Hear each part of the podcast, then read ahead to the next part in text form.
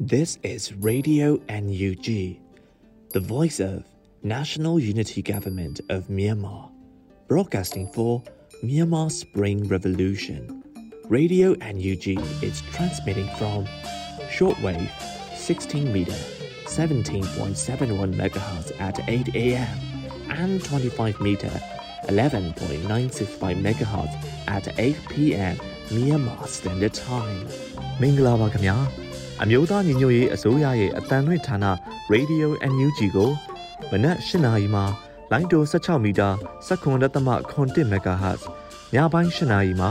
လိုင်းတို25မီတာ17.665 MHz တို့မှာဓာတ်ရိုက်ဖမ်းယူနားဆင်နိုင်ပါပြီမင်္ဂလာအပေါင်းနဲ့ပြည့်စုံကြပါစေအခုချိန်ကစပြီး Radio NUG အစီအစဉ်တွေကိုဓာတ်ရိုက်အတန်လွှင့်ပေးနေပါပြီ။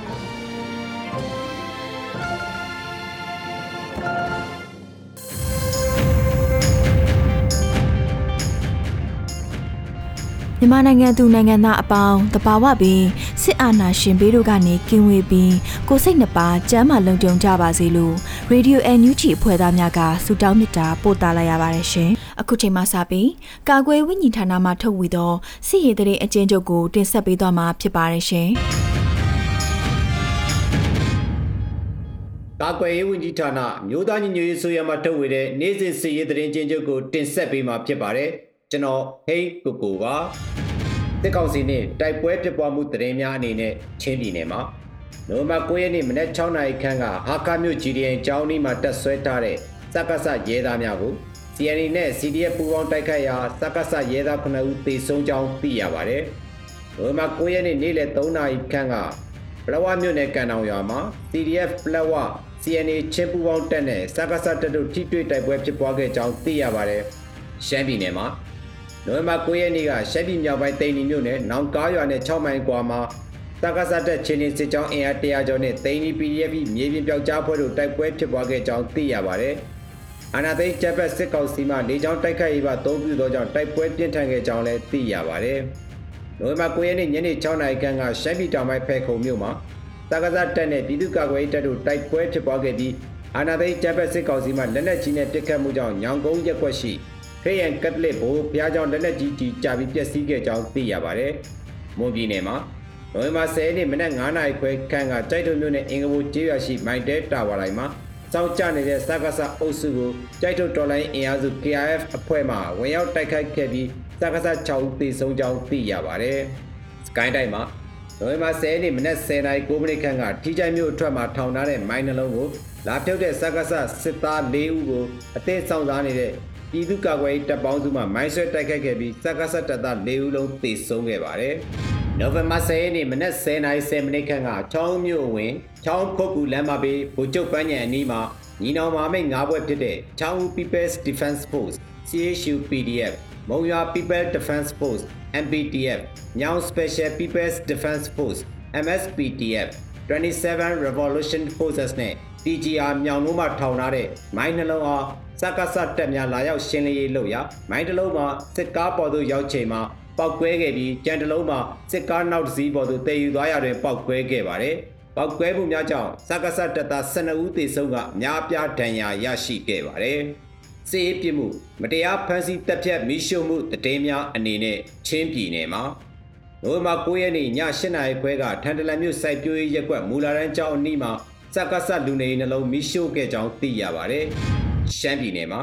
နိုဝင်ဘာ9ရက်နေ့ညနေ6နာရီခန့်ကဘဲခုံမြို့နယ်ဘဲခုံမြို့336တက်အနီးမှာလက်နက်ကြီးလက်နက်ငယ်များနဲ့ပစ်ကတ်တံများထွက်ပေါ်လာပြီးဘဲခုံပြည်သူစေယုံမှာလက်နက်ကြီးကြောင့်မိလောင်မှုဖြစ်ပွားခဲ့ကြောင်းသိရပါတယ်။နိုဝင်ဘာ9ရက်နေ့ညပိုင်းကမိုးပြဲမြို့နယ်စက္ကစတက်422မှာလက်နက်ကြီးများဖြင့်ပစ်ခတ်ခဲ့သောကြောင့်မိုးပြဲရှိပြည်သူအိုးအိမ်များပျက်စီးခဲ့ရကြောင်းသိရပါတယ်။နိုဝင်ဘာ9ရက်နေ့ကရှမ်းပြည်နယ်မြောက်ပိုင်းကုတ်ခိုင်မြို့နယ် နက်ဖလွန်ကျေးရွာအုပ်စုရှိပြောင်းစပါးစိုက်ပျိုးသည့်ခြံကအသက်62နှစ်အရွယ်မျိုးသမီးကြီးတဦးကိုနိုဝင်ဘာလ9ရက်နေ့မှာဖဲခုံတရင်336ဤစက္ကဆတ်တပ်သားမှအရမပြုကျင့်ခဲ့ပါတယ်။ဇွန်လ10ရက်နေ့ကလည်းစက္ကဆတ်တပ်သားတဦးသည်ကုတ်ခိုင်မြို့နယ်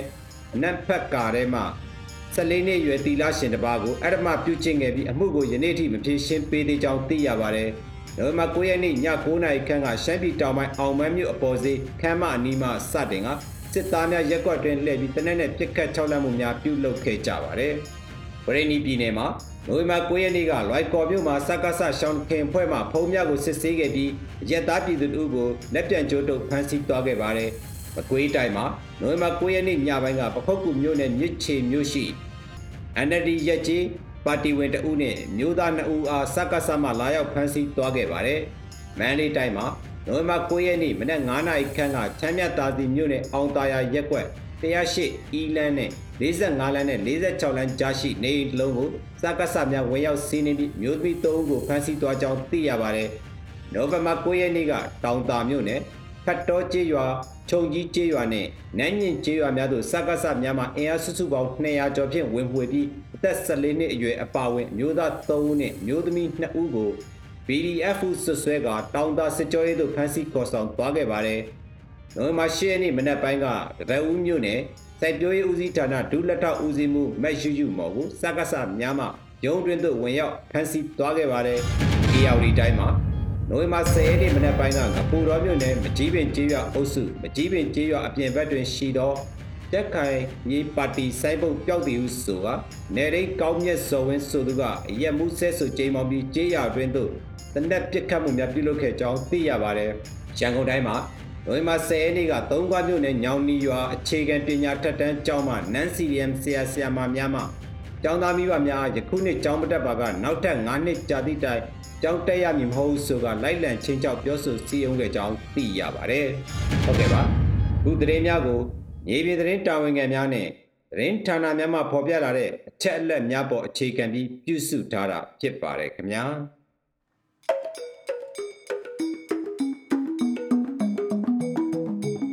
Radio NUG မှာဆက်လက်အသံလွှင့်နေပါတယ်။အခုဆက်လက်ပြီးပြည်တွင်းသတင်းများကိုຫນွေဦးနိုင်နဲ့ຫນွေဦးမွန်တို့မှတင်ဆက်ပေးမှာဖြစ်ပါရရှင်။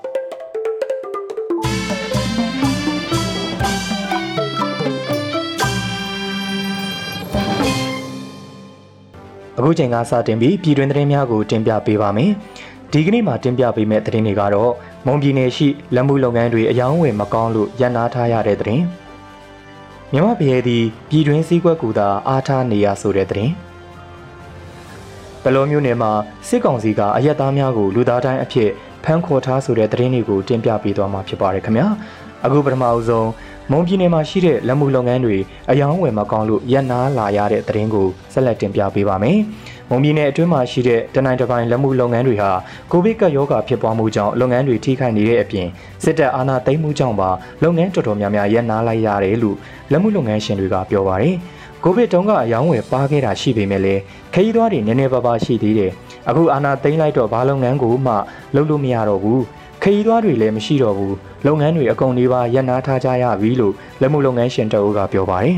လက်မှုလုပ်ငန်းတွေဟာခရီးသွားလာမှုနှဲပါခြင်းကုန်ကျန်းပစ္စည်းတွေဈေးနှုန်းမြင့်တက်လာခြင်းအယောင်းဝယ်နှဲပါလာတာတွေကြောင့်တွက်ချင်မကိုက်တဲ့အတွက်လုပ်ငန်းရပ်နားလာကြရတာဖြစ်တယ်လို့သိရပါတယ်လက်မှုလုပ်ငန်းတွေဟာခရီးတဲ့ဝင်ရောက်မှုမရှိသလောက်နှဲပါလာတဲ့အတွက်ကြောင့်လုပ်ငန်းအများစုရပ်နားလာကြရတာဖြစ်ပြီးလက်ရှိမှာတော့လောက်ကင်သူအနှဲငယ်တာကြန့်ရှိတော့တယ်လို့လက်မှုလုပ်ငန်းရှင်တအုပ်ကပြောပါတယ်။ ခုစုစိုင်းပါပိတ်ထားရတယ်ဖြစ်နေတဲ့နိုင်ငံရေးနဲ့ကိုဗစ်ကြောင့်ခရီးသွားလာမှုတွေမရှိတော့အယောင်းဝယ်တွေမရှိဘူးကုန်စည်နှုန်းတွေကတက်တော့တွက်ချီမကိုက်လို့မလုပ်ကြတဲ့သူတွေလည်းအများကြီးပဲဒီလုပ်ငန်းတွေကခရီးသွားတွေကိုအဓိကထားမိခိုပြီးရောင်းချရတာဆိုတော့ခရီးသွားတွေမရှိတော့ဘာမှလုပ်လို့မရဘူးခုစုလက်မှုလုပ်ငန်းလုပ်သူကအနေချင်းလောက်ပဲကြံတော့တယ်လို့ဒေသခံတအုပ်ကပြောပါတယ်မွန်ပြည်နယ်မှာစေးတံကျိန်ပတိခမောက် ဝါလက်မှုလုပ်ငန်းတွေနဲ့မြေဦးလုပ်ငန်းအပါအဝင်လက်မှုလုပ်ငန်းပေါင်း20ထက်မနည်းရှိနေတာဖြစ်ပါတယ်။လက်မှုလုပ်ငန်းကထွက်ရှိလာတဲ့ပစ္စည်းတွေကိုပြည်내အတွင်းဖြန့်ဖြူးရောင်းချနေတယ်လို့ပဲခူး၊ကရင်၊ရန်ကုန်အပါအဝင်တိုင်းဒေသကြီးနဲ့ပြည်내အများစုကိုတင်ပို့ရောင်းချခဲ့ရတာဖြစ်ပါတယ်။လက်ရှိမှာတော့စစ်တပ်အာဏာသိမ်းပြီးနောက်လက်မှုလုပ်ငန်းအများစုရပ်နားလာကြရပြီးဒီအချိန်ဒီတိုင်းသာဆက်ဖြစ်နေမယ်ဆိုရင်လက်မှုလုပ်ငန်းတွေပျောက်ကွယ်သွားနိုင်တယ်လို့လက်မှုလုပ်ငန်းရှင်တွေကပြောဆိုနေကြပါတယ်။ အခုဆက်လက်ပြီးမြန်မာဖရဲသည်ပြည်တွင်းစည်းကွဲကူတာအားထားနေရဆိုတဲ့သတင်းကိုဆက်လက်တင်ပြပေးပါမယ်။ကိုဗစ်ရောဂါတွေပြန်လည်အဖြစ်များလာတဲ့အတွက်တရုတ်နိုင်ငံကနေဆက်ဂိတ်တွေကိုဆက်လက်ပိတ်ထားရတာကြောင့်မြန်မာဖရဲသည်ရောင်းဝယ်ရေးဟာပြည်တွင်းစည်းကွဲကူတာအားထားနေရကြောင်းဖရဲသည်ကုန်သည်တွေကပြောပါတယ်။ပြည်တွင်းဖျဲသီးတွေကိုတရုတ်နိုင်ငံတစ်ခုတည်းကိုသာမိကိုအားထားတင်ပို့နေရတာဖြစ်ပြီးတော့လက်ရှိဖျဲပေါ်ချိန်မှာတင်ပို့နိုင်ရန်တရုတ်မူဆယ်ဂိတ်များပြန်လည်မဖွင့်သေးတဲ့အတွက်ကြောင့်တောင်သူများလည်းခက်ခဲနေကြောင်းသိရပါတယ်။ လက်ရှိမှာဖျဲသီးတွေကိုရှော့ချစိုက်ပျိုးခြင်းတွေရှိလာသလိုဖျဲသီးအစားအခြားသီးနှံတွေကိုပါအစားထိုးစိုက်ပျိုးနေတဲ့တောင်သူတွေလည်းရှိလာနေပါတယ်။မူဆယ်နယ်ဇက်ကိတ်ပြန်လည်ဖွင့်လှစ်ခြင်းမရှိသေးတဲ့အတွက်ကျွန်တော်တို့ဖရဲစိုက်တောင်သူများပြည်တွင်းစည်းကွက်တစ်ခုတည်းအားထားနေရပါတယ်။ဒီနှစ်အများကြီးစိုက်တဲ့တောင်သူကတော့ရှုံးမှသေးကြတယ်။မဖြစ်မနေစိုက်ကြတဲ့သူတွေကတော့ရန်ကုန်မန္တလေးဘက်တွေကိုပို့ကြတယ်။အဓိကပြည်တွင်းစည်းကွက်ကိုပဲရှာနေရတယ်။ တရုတ်ကပြန်ဖွင့်မယ်ဖွင့်မယ်ပြောနေတာကြားနေပြီ။အခုထိမဖွင့်သေးပါဘူးလို့ဖရဲကုံတဲ့တဲဦးကပြောပါတယ်။ပြည်တွင်းမှာဖရဲသီးတစ်လုံးကိုအလုံးပုံမူတည်ပြီးတော့ပြန်မြကျပ်1900ကနေ3000ခန့်ရောင်းချလျက်ရှိပြီးနေရာဒေသအလိုက်ဈေးနှုန်းပြောင်းလဲရောင်းချလျက်ရှိတယ်လို့သိရပါတယ်။လက်ရှိမူဆယ်ကုန်စည်တိုင်းတွေမှာဖျေသီးဝင်ရောက်မှုမရှိသလောက်ဖြစ်နေပြီးတော့ဈေးကွက်လည်းမရှိကြောင်းသိရပါတယ်။ တရုတ်ဘက်ကလုံးဝမဖွင့်တော့အယောင်းဝယ်လည်းမရှိဘူး။ပြည်တွင်းအခွန်လေးဆောင်ပြီးတော့မူဆယ်တို့နန်ခမ်းတို့မှာလာပြီးရောင်းချနေကြတာပဲတွေ့ရတယ်။ဆယ်လပိုင်းဆိုဖျေသီးကစပေါ်ပြီး17လပိုင်းဆိုလှိုင်လှိုင်ပေါ်လို့ဈေးကွက်တွေကစနေပြီးအခုကမူစိန်မှာဖျဲစည်းကွက်မဖြစ်ဘူးတရုတ်ကဒီလ15ရက်နေ့ပြန်တော့ဖွင့်မယ်ကြားတယ်ဝမ်တိန်မှာပိုးတွေးလို့လဲကြားတယ်အမျိုးမျိုးသတင်းတွေကြားနေရတယ်လို့မူစေ105မိုင်တတိဝလံကုံစီတိုင်းမှတာဝန်ခံကပြောပါတယ် ပြီးခဲ့တဲ့နှစ်ကဖျဲသီးစတင်ပေါ်ချိန်မှာမူစေနယ်ဆက်သူတပတ်လင်ဖျဲသီးကအစီးရေ100ကျော်ခန့်ဝင်ရောက်ခဲ့ပြီးတော့အခုနှစ်မှာတော့90ရာခိုင်နှုန်းခန့်ရောကျသွားကြောင်းကုန်သည်တွေစီကနေသိရပါတယ်။2020-2021ခုနှစ်မှာအဖေကအစီးရေ3000တခွားကအစီးရေ12000တင်ပို့ခဲ့ကြောင်းသိရှိရပြီးတော့လန်ခီကြန့်ကြတဲ့အတွက်ကြောင့်အတွင်းပိုင်းမှာရောင်းမရတော့တဲ့အတွက်စွန့်ပြရတာတွေရှိတာကြောင့်ကားကားတောင်ပြတ်မရတဲ့ဖေးနဲ့တခွားမှာအဆိုပါအစည်းရရဲ့ တဝက်လောက်ထိရှိခဲ့ကြောင်းသိရပါတယ်။ဖေးသီးကိုရှမ်းပြည်မြောက်ပိုင်းမန္တလေးစကိုင်းစတဲ့ဒေသတွေမှာအဓိကစိုက်ပျိုးပြီးဒိုင်းနယ်ပြည်နယ်တော်တော်များများမှာလည်းစိုက်ပျိုးလျက်ရှိတယ်လို့သိရပါတယ်ခင်ဗျာ။ကျွန်တော်ຫນွေဦးနိုင်ပါဆက်လက်ပြီးကြန့်ရှိနေသေးတဲ့ပြည်တွင်းသတင်းများကိုတော့မတ်ຫນွေဦးမွန်ကဆက်လက်တင်ပြပေးသွားမှာဖြစ်ပါတယ်ခင်ဗျာ။ဆက်လက်ပြီးတင်ဆက်ပေးမယ့်သတင်းကတော့ပလောမြို့နယ်မှာစစ်ကောင်စီကအရက်သားတွေကိုလူသားတိုင်းအဖြစ်နဲ့ဖမ်းခေါ်ထားတယ်ဆိုတဲ့သတင်းပဲဖြစ်ပါတယ်။ကရင်မျိုးသားအစည်းအရုံး KNU ဗိတ်တဝဲခရိုင်တက်မဟာလေးနယ်မြေပလောမြို့နယ်အတွင်းမှာစီရေးဝင်ရောက်လှုပ်ရှားတဲ့စစ်ကောင်စီတပ်ဖွဲ့ဝင်တွေဟာသူတို့ကိုတိုက်ခိုက်နိုင်ခြင်းမရှိစေရန်အတွက်ဆိုပြီးဒေသခံအရက်သားတွေကိုလူသားတိုင်းအဖြစ်နဲ့ဖမ်းခေါ်ထားကြောင်းဒေသခံတွေစီကနေသိရပါတယ်။နိုဝင်ဘာလ9ရက်နေ့မှာပလောမြို့နယ်မတော်ချေရွာအတွင်းကိုစီရေးဝင်ရောက်လှုပ်ရှားလာတဲ့စစ်ကောင်စီရဲ့ခြေလျင်တရင်ခလာရနှစ်ရှိခွန်တပ်ဖွဲ့ဝင်တွေဟာဒေသခံအရက်သား20နီးပါးကိုချေရွာဖုံးကြီးကျောင်းမှာညအိတ်ခေါ်ယူထားပြီး စစ်ဆေးမင်းမြတ်မှုတွေပြုလုပ်ခဲ့တယ်လို့အမည်မဖော်လို့သူဒေသခံတဦးကအခုလိုပဲပြောပြလာပါတယ်။သူတို့ကရွာသားတွေကိုအကာအကွယ်ယူတဲ့သဘောပေါ့။ရောင်း20လောက်ရှိတယ်။တချို့တွေကိုပြန်လွတ်ပေးတာရှိသလိုတချို့တွေကိုလည်း KNU နဲ့ဆက်ဆက်တယ်ဆိုပြီးဖမ်းထားတော့မယ်။ပြန်မလွတ်သေးတာ30ကျော်လောက်ရှိတယ်။ပြန်လွတ်ပေးတဲ့၃ယောက်ကိုလည်းရိုက်နှက်ထားတာမျက်နာတွေရောင်ဖော်နေတာပဲလို့သူကပြောပါတယ်။အလားတူနိုဝင်ဘာလ10ရက်နေ့က စစ်ရေးဝင်ရောက်လှုပ်ရှားလာတဲ့အဆိုပါစစ်ကောင်စီတပ်ဖွဲ့ဝင်နဲ့ KNU တပ်မဟာလေးလက်အောက်ခံကရင်အမျိုးသားလူမျိုးရေးတပ်မတော် KNL တပ်ဖွဲ့ဝင်တွေကြားတိုက်ပွဲဖြစ်ပွားခဲ့ပြီးစစ်ကောင်စီဘက်ကတအူးကြဆုံးကနှစ်ဦးထိခိုက်ဒဏ်ရာရရှိခဲ့တယ်လို့လည်းဒေသခံတွေကပြောပါတယ်။အဆိုပါတိုက်ပွဲဖြစ်ပွားမှုနဲ့စစ်ကောင်စီရဲ့စီးရဲလှုပ်ရှားမှုတွေကြောင့်မတော်ကြီးရွာမှာနေတဲ့ဒေသခံတွေဟာဘေးလွတ်ရာကိုထွက်ပြေးတိမ်းရှောင်နေကြရတယ်လို့လည်း KNU ဘက်ကသတင်းထုတ်ပြန်ထားပါတယ်။ဒါအပြင်တိုက်ပွဲဖြစ်ပွားပြီးနောက်ပိုင်း စစ်ကောင်စီတပ်က Karen 2ဖော်ရေးပြုလုပ်နေသူတွေထံမှငွေကျပ်350ကိုအတင်းအဓမ္မတောင်းယူခဲ့တယ်လို့လည်း KNU ဘက်ကထုတ်ပြန်ထားပါတယ်။ပြီးခဲ့တဲ့အောက်တိုဘာလ22ရက်နေ့နဲ့23ရက်နေ့တွေမှာလည်းဒေသခံပြည်သူ့ကာကွယ်ရေးတပ်ဖွဲ့ PDF မှစစ်ကောင်စီလက်အောက်ခံပြည်သူစစ်တွေထံလက်နက်ဝင်ရောက်သိမ်းယူလိုက်တဲ့ကိစ္စနဲ့ပတ်သက်ပြီးပလောမြို့နယ်မိချောင်းတိုက်နဲ့ချောင်းလာချေးရွာအတွင်းမှာတိုက်ပွဲဖြစ်ပွားခဲ့က ဒေသခံချေးရွာသားအချို့ထွက်ပြေးတိမ်းရှောင်ခဲ့ရပါတယ်။စစ်ကောင်စီဘက်ကလက်နက်ပြန်မအပ်မချင်းချေးရွာအတွင်းဝင်ငွေမပေးဘဲရွာကိုမီးရှို့ဖျက်ဆီးမယ်လို့လည်းချင်းချောက်ပြောဆိုခဲ့ကြောင်းဒေသခံတွေစီကနေသိရပါတယ်ရှင်။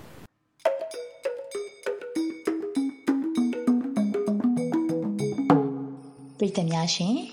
မြန်မာပြည်သူလူထုရဲ့စစ်အာဏာရှင်ကိုတွန်းလှန်လူစိတ်ဟာသွေးအေးမသွားဘဲနဲ့ဒီကနေ့ထိတိုင် အောင်လံလွင့်ချီနှွေဦးထီနဲ့အတူရက်တည်နေတာကိုအားရဝမ်းသာစွာတွေ့မြင်နေရပါတယ်။နှွေဦးထီကိုပထမချိန်မှာကန့်သက်ချက်တွေကြောင့်အားပေးချင်နိုင်အားပေးလို့မရတဲ့ပြည်သူတွေရဲ့စကားအတန်ကိုတုံ့ပြန်တဲ့အနေနဲ့အခုချိန်မှာတော့မနက်10:00နာရီကနေည10:00နာရီထိအကန့်အသတ်မရှိဝယ်ယူအားပေးနိုင်ပါပြီနော်။ထီထိုးတဲ့အခါမှာတော့ဝယ်ယူမဲ့အဆောင်ရည်နဲ့ငွေလွှဲအမောင့်ကိုမှန်ကန်အောင်ယူဆိုင်ပေးဖို့လိုပါတယ်။ဒါပြင် transition ID,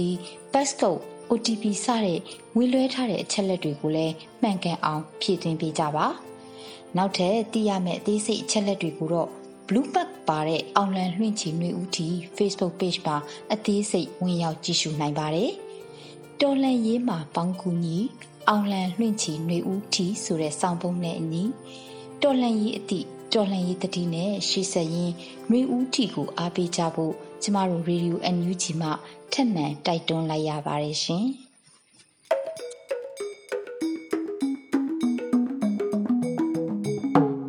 Radio NUG မှာဆက်လက်အတန်းလွှင့်နေပါတယ်။အခုဆက်လက်ပြီးပြည်သူတိုက်ပွဲသတင်းများကိုຫນွေဦးလယ်မှတင်ဆက်ပေးမှာဖြစ်ပါတယ်ရှင်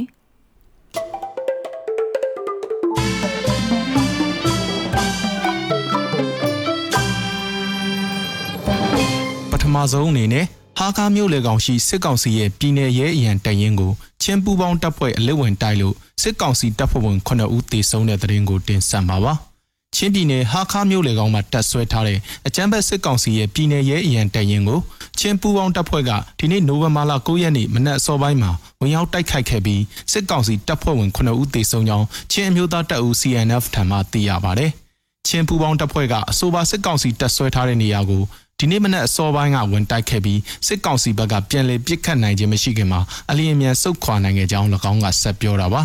နိုဝင်ဘာလ6ရက်နေ့ကလည်းဟာခါမျိုးအထွတ်ကြောပုတ်စစ်စေးရေးကိန်းနဲ့ဟာခါမျိုးမှာရဲစခန်းအနောက်ဘက်ဟာခါတိုချိန်လန်းအနီးမှာတပ်ဆွဲထားတဲ့စစ်ကောင်စီတပ်ဖွဲ့ကိုချင်းပူပေါင်းတပ်ဖွဲ့ကဝင်ရောက်တိုက်ခိုက်ခဲ့ပြီးစစ်ကောင်စီတပ်သား17ယောက်သေဆုံးခဲ့ပါသေးတယ်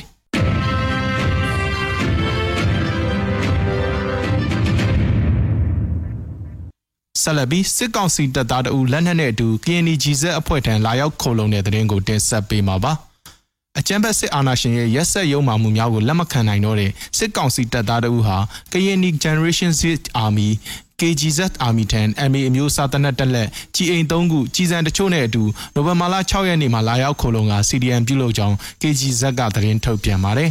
အဆိုပါတပ်သားအား KGZ ကဂုံယူစွာကြိုးစုကြောင်းနဲ့ချီးမြှင့်ငွေ330ကိုပေးအပ်ခဲ့ကြောင်းထုတ်ပြန်ချက်အရသိရပါတယ်။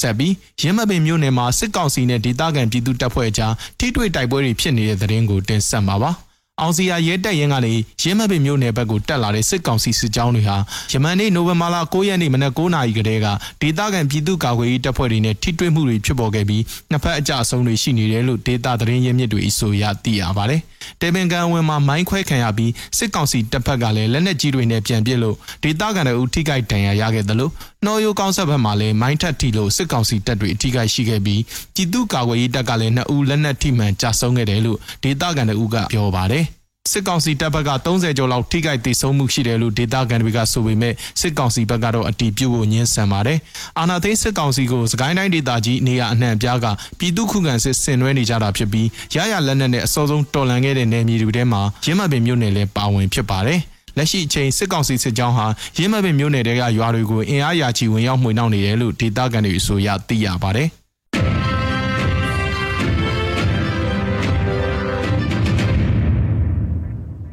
ဆက်လက်ပြီးချောင်းဦးဗိုလ်ချုပ်ပန်းချံအနီးမိုင်းရှင်းယာမှာမိုင်းကွဲ၍စစ်ကောင်စီတပ်ဖွဲ့ဝင်များထိခိုက်တဲ့တဲ့ရင်ကိုတင်ဆက်မှာပါဒီနေ့နိုဝင်ဘာလ10ရက်မနက်7:00နာရီဝန်းကျင်မှာချောင်းဦးမြို့အဝင်ချောင်းဦးပခုတ်ကူလမ်းမှာပြီးဗိုလ်ချုပ်ပန်းချံအနီးမှာစစ်ကောင်စီအဖွဲ့မိုင်းရှင်းလင်းရင်းနဲ့မိုင်းကွဲပြီးထိခိုက်မှုတွေရှိခဲ့တယ်လို့ဒေသခံတွေကဆိုပါတယ်စစ်ကောင်စီအဖွဲ့ဝင်စုစုပေါင်း12ဦးထိခိုက်ဒေဆုံးတယ်လို့ချောင်းဦး PDF ကထုတ်ပြန်ပေမဲ့တိကျအတည်ပြုနိုင်တာတော့မရှိသေးပါဘူး အဆိုပါမိုင်းခွဲတိုက်ခိုက်မှုကိုမဟာမိတ်၅ဘွဲကပူးပေါင်းလှုပ်ဆောင်ခဲ့တာဖြစ်ပြီးမဟာမိတ်အဖွဲ့ထိခိုက်မှုလုံးဝမရှိဘဲဆောင်ရွက်နိုင်ခဲ့တယ်လို့6ဦး PDF ကသူတို့ရဲ့စာမျက်နှာမှာထုတ်ပြန်ထားပါတယ်။ဒီနေ့နိုဝင်ဘာလ10ရက်နေ့မှာစိုင်းမြင်ပလဲရင်းမပင်နဲ့6ဦးဒေသတဝိုင်စစ်ကောင်စီအဖွဲ့နဲ့ပြည်သူ့ကာကွယ်ရေးတပ်ဖွဲ့တွေကြားထိတွေ့မှုတွေဖြစ်ပွားနေပါတယ်။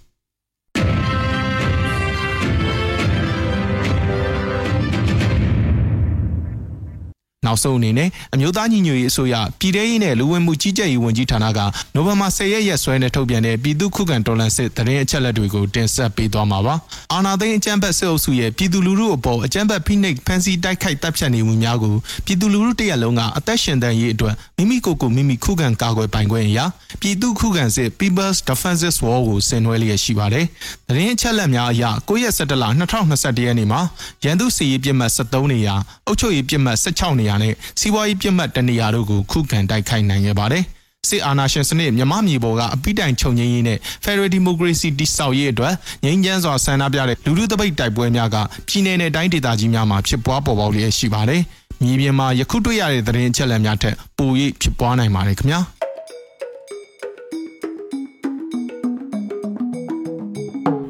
Radio NUG မှာဆက်လက်အသံလွှင့်နေပါတယ်။အခုဆက်လက်ပြီးနေ့စဉ်သတင်းတင်ဆက်မှုကိုမတ်ထထအိန္ဒြာအောင်မှတင်ဆက်ပေးမှာဖြစ်ပါတယ်ရှင်။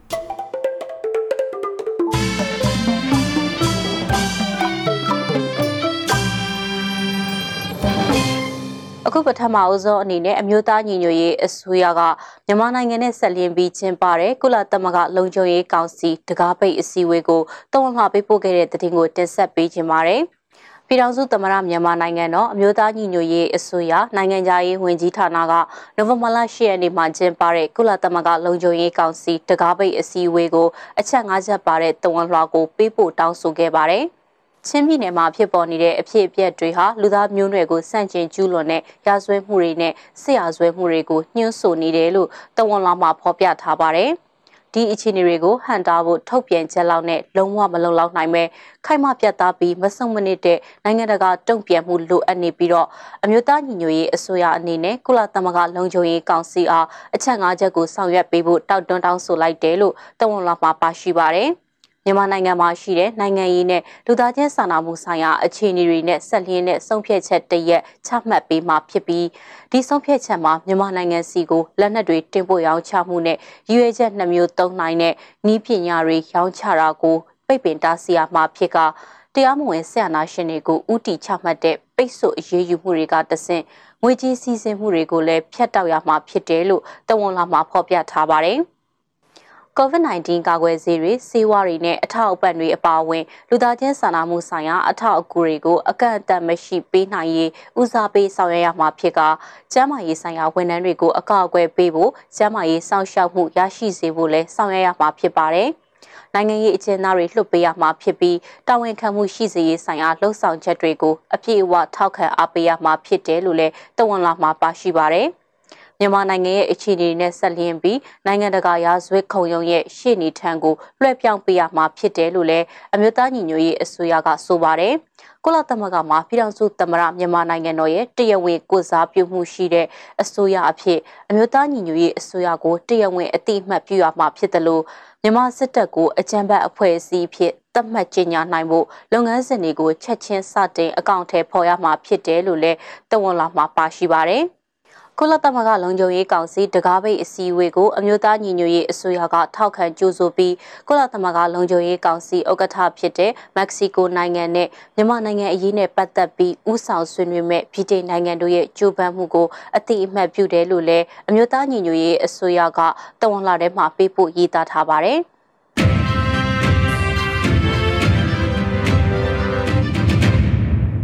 လက်တလုံးမှာမြို့သားညီညွတ်ရေးအစိုးရအန်ယူဂျီနဲ့ပတ်သက်တဲ့ဆွဆွဲချက်အမှားတွေနဲ့ပတ်သက်ပြီးဒေါက်တာဆဆာကနိုင်ငံရေးနဲ့တန်တမာရေးအတိုင်းဝိုင်းကိုမြစ်တာရက်ခံခဲ့တာပါအဲ့ဒီဆွဆွဲချက်တွေထဲမှာအမျိုးသားညီညွတ်ရေးအစိုးရဟာဥပဒေပြင်ပတပ်ဖြတ်မှုတွေကျူးလွန်နေတယ်။ NUG နဲ့မိဖက်ကာကွယ်ရေးအုပ်စုတွေစီကိုနိုင်ငံရေးရန်သူတွေရဲ့စည်ရင်ကိုပေးပို့ခဲ့တဲ့ဆိုတဲ့ကောလာဟာလာတွေလည်းပါဝင်ပါတယ်။ဒီဆွဆွဲချက်တွေဟာမှားယွင်းနေပြီး ဒီမိုကရေစီရဲ့ရန်သူတွေက NUG ကိုစစ်တပ်ထပ်ပို့မကောင်းဘူးဆိုတဲ့ပုံရိပ်ဖော်ဆောင်ဖို့ဖြန့်ဖြူးနေတဲ့အလိမ်အညာတတ်တတ်ပဲလို့နိုင်ငံတကာဆက်ဆံရေးဝန်ကြီးဒေါက်တာဆတ်ဆာကနိုဝင်ဘာ10ရက်မှာကြေညာချက်ထုတ်ပြန်လိုက်တာပါဒီလိုမဟုတ်မမှန်အတင်းအဖြစ်တွေကိုတိလျက်နဲ့ဖြန့်နေတာကနိုင်ငံရေးရေပြင်ကိုညစ်ထေးစေုံသားမကလွတ်လပ်ရေးနဲ့ဒီမိုကရေစီရေးအတွက်တိုက်ပွဲဝင်ခဲ့ကြတဲ့ထောင်နဲ့ချီတဲ့မြန်မာပြည်သူတွေကိုမလေးစားရကြတယ်လို့သူကဆိုပါတယ် NUG ဟာစစ်တပ်လိုရက်ဆက်ကြမ်းကြုတ်မှုနဲ့ရက်ဆက်ခြင်းမှာတာယာမှုတွေကိုအရင်ရောအခုရောနောက်မှပါစိတ်ဝင်စားမှာမဟုတ်ဘူး NUG မှာလူငါတက်ရမယ့်စည်ရင်မရှိဘူးမြမအချက်တဲ့အတွက်တာဝန်ရှိသူတွေကိုတရားမျှတပြီးပွင့်လင်းမြင်သာတဲ့နည်းနဲ့ဥပဒေအရာတရားစီရင်မဲ့ရည်တည်ချက်သာ NUG မှာရှိတယ် ဥပဒေပြင်ပတပ်ဖြတ်မှုတွေလှုပ်ချံမှုတွေနဲ့အကြမ်းဖက်တိုက်ခိုက်မှုတွေဟာဥပဒေနဲ့တရားစီရင်ရေးနှလုံးသားကိုထိခိုက်စေလို့ဒီလောက်ရက်တွေကို NUG ဟာဘယ်တော့မှတီးခံမှာမဟုတ်ဘူးလို့လည်းဒေါက်တာဆဆာကပြောပါတယ်မြန်မာနိုင်ငံမှာစစ်ဖြစ်နေတာမှန်ပေမဲ့ပြည်သူတွေဟာရွေးချယ်ခွင့်မရှိဘဲလူသက်ချင်းစိတ်ပေါက်နေတဲ့အတနာညှတာမရှိတဲ့ရန်သူစီကနေကိုကိုကိုကာကွယ်ဖို့တွန်းအားပေးခံနေရတယ်။ပြည်သူတွေဟာယက်တီရှင်တန်ဖို့သူတို့ကိုသူတို့လေ့ကျင့်ခဲ့ကြတယ်။ သူတို့တိုက်ပွဲဟာတရားမျှတလို့ကျွန်တော်တို့ထောက်ခံတယ်။ဒါပေမဲ့ NUG ဟာနိုင်ရပြီးရောစိတ်နေသဘောထားကိုတိမခံနိုင်ပါဘူး။ဒါဟာပြည်သူ့ကာကွယ်ရေးတပ်တွေအားလုံးလိုက်နာကျင့်သုံးရမယ့်ကျင့်ထုံးဥပဒေကိုရေးသားထုတ်ဝေရတဲ့အကြောင်းရင်းတရက်ဖြစ်တယ်လို့ဒေါက်တာဆဆာကပြောပါတယ်။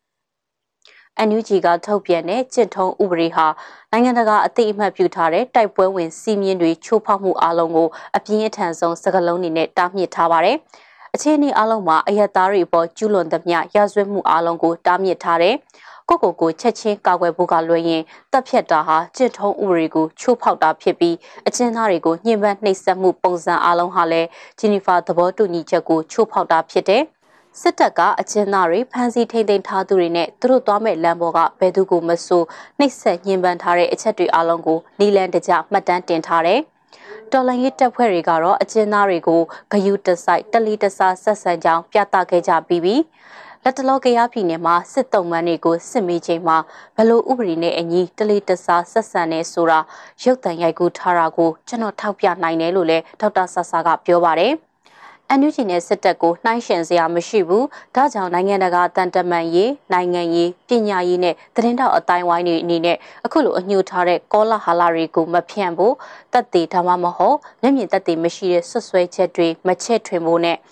စစ်တပ်ရဲ့အလိမ်အညာတွေကိုတရားဝင်ဖြစ်အောင်မလုပ်ကြဖို့ဒေါက်တာဆဆာကတိုက်တွန်းထားတာတွေ့ရပါတယ်။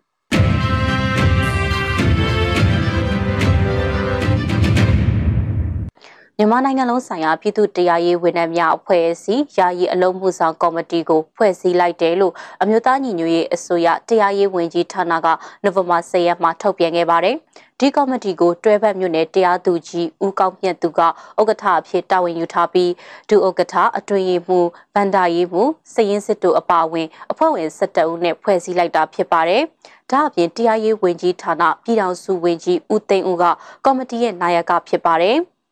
အမျိုးသားညီညွတ်ရေးအစိုးရတရားရေးဝန်ကြီးဟာတရားရေးဝန်ကြီးဌာနရဲ့ဂျာကာလာတရားစီရင်ဆိုင်ရာကိစ္စရပ်တွေကို Federal Democracy Brain မှာဖော်ပြထားတဲ့အတိုင်းအမျိုးသားညီညွတ်ရေးအစိုးရ NUG နဲ့အမျိုးသားညီညွတ်ရေးအတိုင်းအမြံကောင်စီ NUCC တို့ကချမှတ်ခဲ့တဲ့မူဝါဒစီမင်းစည်းကမ်းချက်တွေနဲ့အညီထိရောက်စွာအကောင့်ထဲပေါ်ဆောင်ရွက်နိုင်ဖို့အခုကော်မတီကိုဖွဲ့စည်းလိုက်တာဖြစ်တယ်လို့ထုတ်ပြန်ခဲ့ပါတယ်။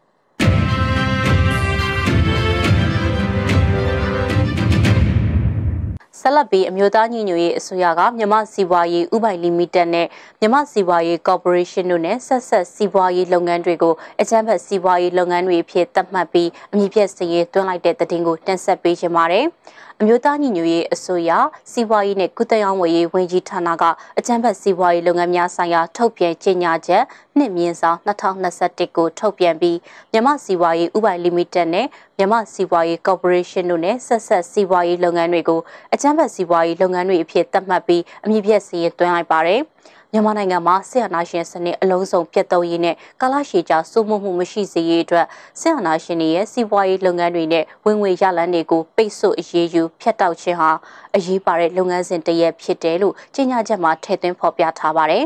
။အကြမ်းဖက်စေအိုစုရဲ့စီးပွားရေးအင်ပါရာဟာဈေးကွက်နယ်ပယ်စုံမှာထိုးဖောက်နေရယူကစီးပွားရေးအကျိုးအမြတ်များစွာနှစ်ဆန်ရရှိနေတယ်လို့လည်းဆိုပါတယ်။မြမစီးပွားရေးဥပိုင်လီမိတက်နဲ့မြမစီးပွားရေးကော်ပိုရေးရှင်းဟာ နိုင်ငံတော်ပုံကန့်မှုကိုအထောက်အကူပြုပြီးမလျော်ဩဇာနဲ့စစ်တပ်ရဲ့လုပ်ပိုင်ခွင့်နဲ့အင်အားကိုအသုံးပြုပြီးတော့စီးပွားရေးလုပ်ငန်းများစွာကိုလှုပ်ဆောင်လျက်ရှိကြောင်းစစ်စစ်တွေ့ရှိတာကြောင့်အခုလိုထုတ်ပြန်ကြေညာအကြောင်းဖော်ပြထားတာကိုတွေ့ရပါတယ်။ဒီကနေ့ကတော့ဒီညနေပဲ Radio NUG ရဲ့အစီအစဉ်တွေကိုခਿੱတရနာလိုက်ပါမယ်။မြန်မာစံတော်ချိန်မနက်၈နာရီနဲ့ညနေ၈နာရီအချိန်တွေမှာပြန်လည်ဆုံတွေ့ကြပါစို့။ Radio NUG ကိုမနက်၈နာရီမှ လိုင်းတို16မီတာ7.7 MHz ညပိုင်း၈နာရီမှလိုင်းတို25မီတာ17.665 MHz တို့မှာဓာတ်ရိုက်ဖမ်းယူနားဆင်နိုင်ပါပြီမြန်မာနိုင်ငံသူနိုင်ငံသားများကိုစိတ်နှပြရမ်းမာချမ်းသာလို့ဘေးကင်းလုံခြုံကြပါစေလို့ Radio NUG အဖွဲ့သူအဖွဲ့သားများကဆုတောင်းလိုက်ရပါတယ်အမျိုးသားညီညွတ်ရေးအစိုးရရဲ့စက်သွယ်ရေးတရင်အချက်အလက်နဲ့ဤပညာဝန်ကြီးဌာနကထုတ်လွှင့်နေတဲ့ Radio NUG ဖြစ်ပါတယ်။ San Francisco Bay Area အခြေစိုက်မြန်မာမိသားစုများနဲ့နိုင်ငံတကာကစေတနာရှင်များလှူအားပေးများရဲ့ Radio NUG ဖြစ်ပါတယ်။အရေးတော်ပုံအောင်ရမည်။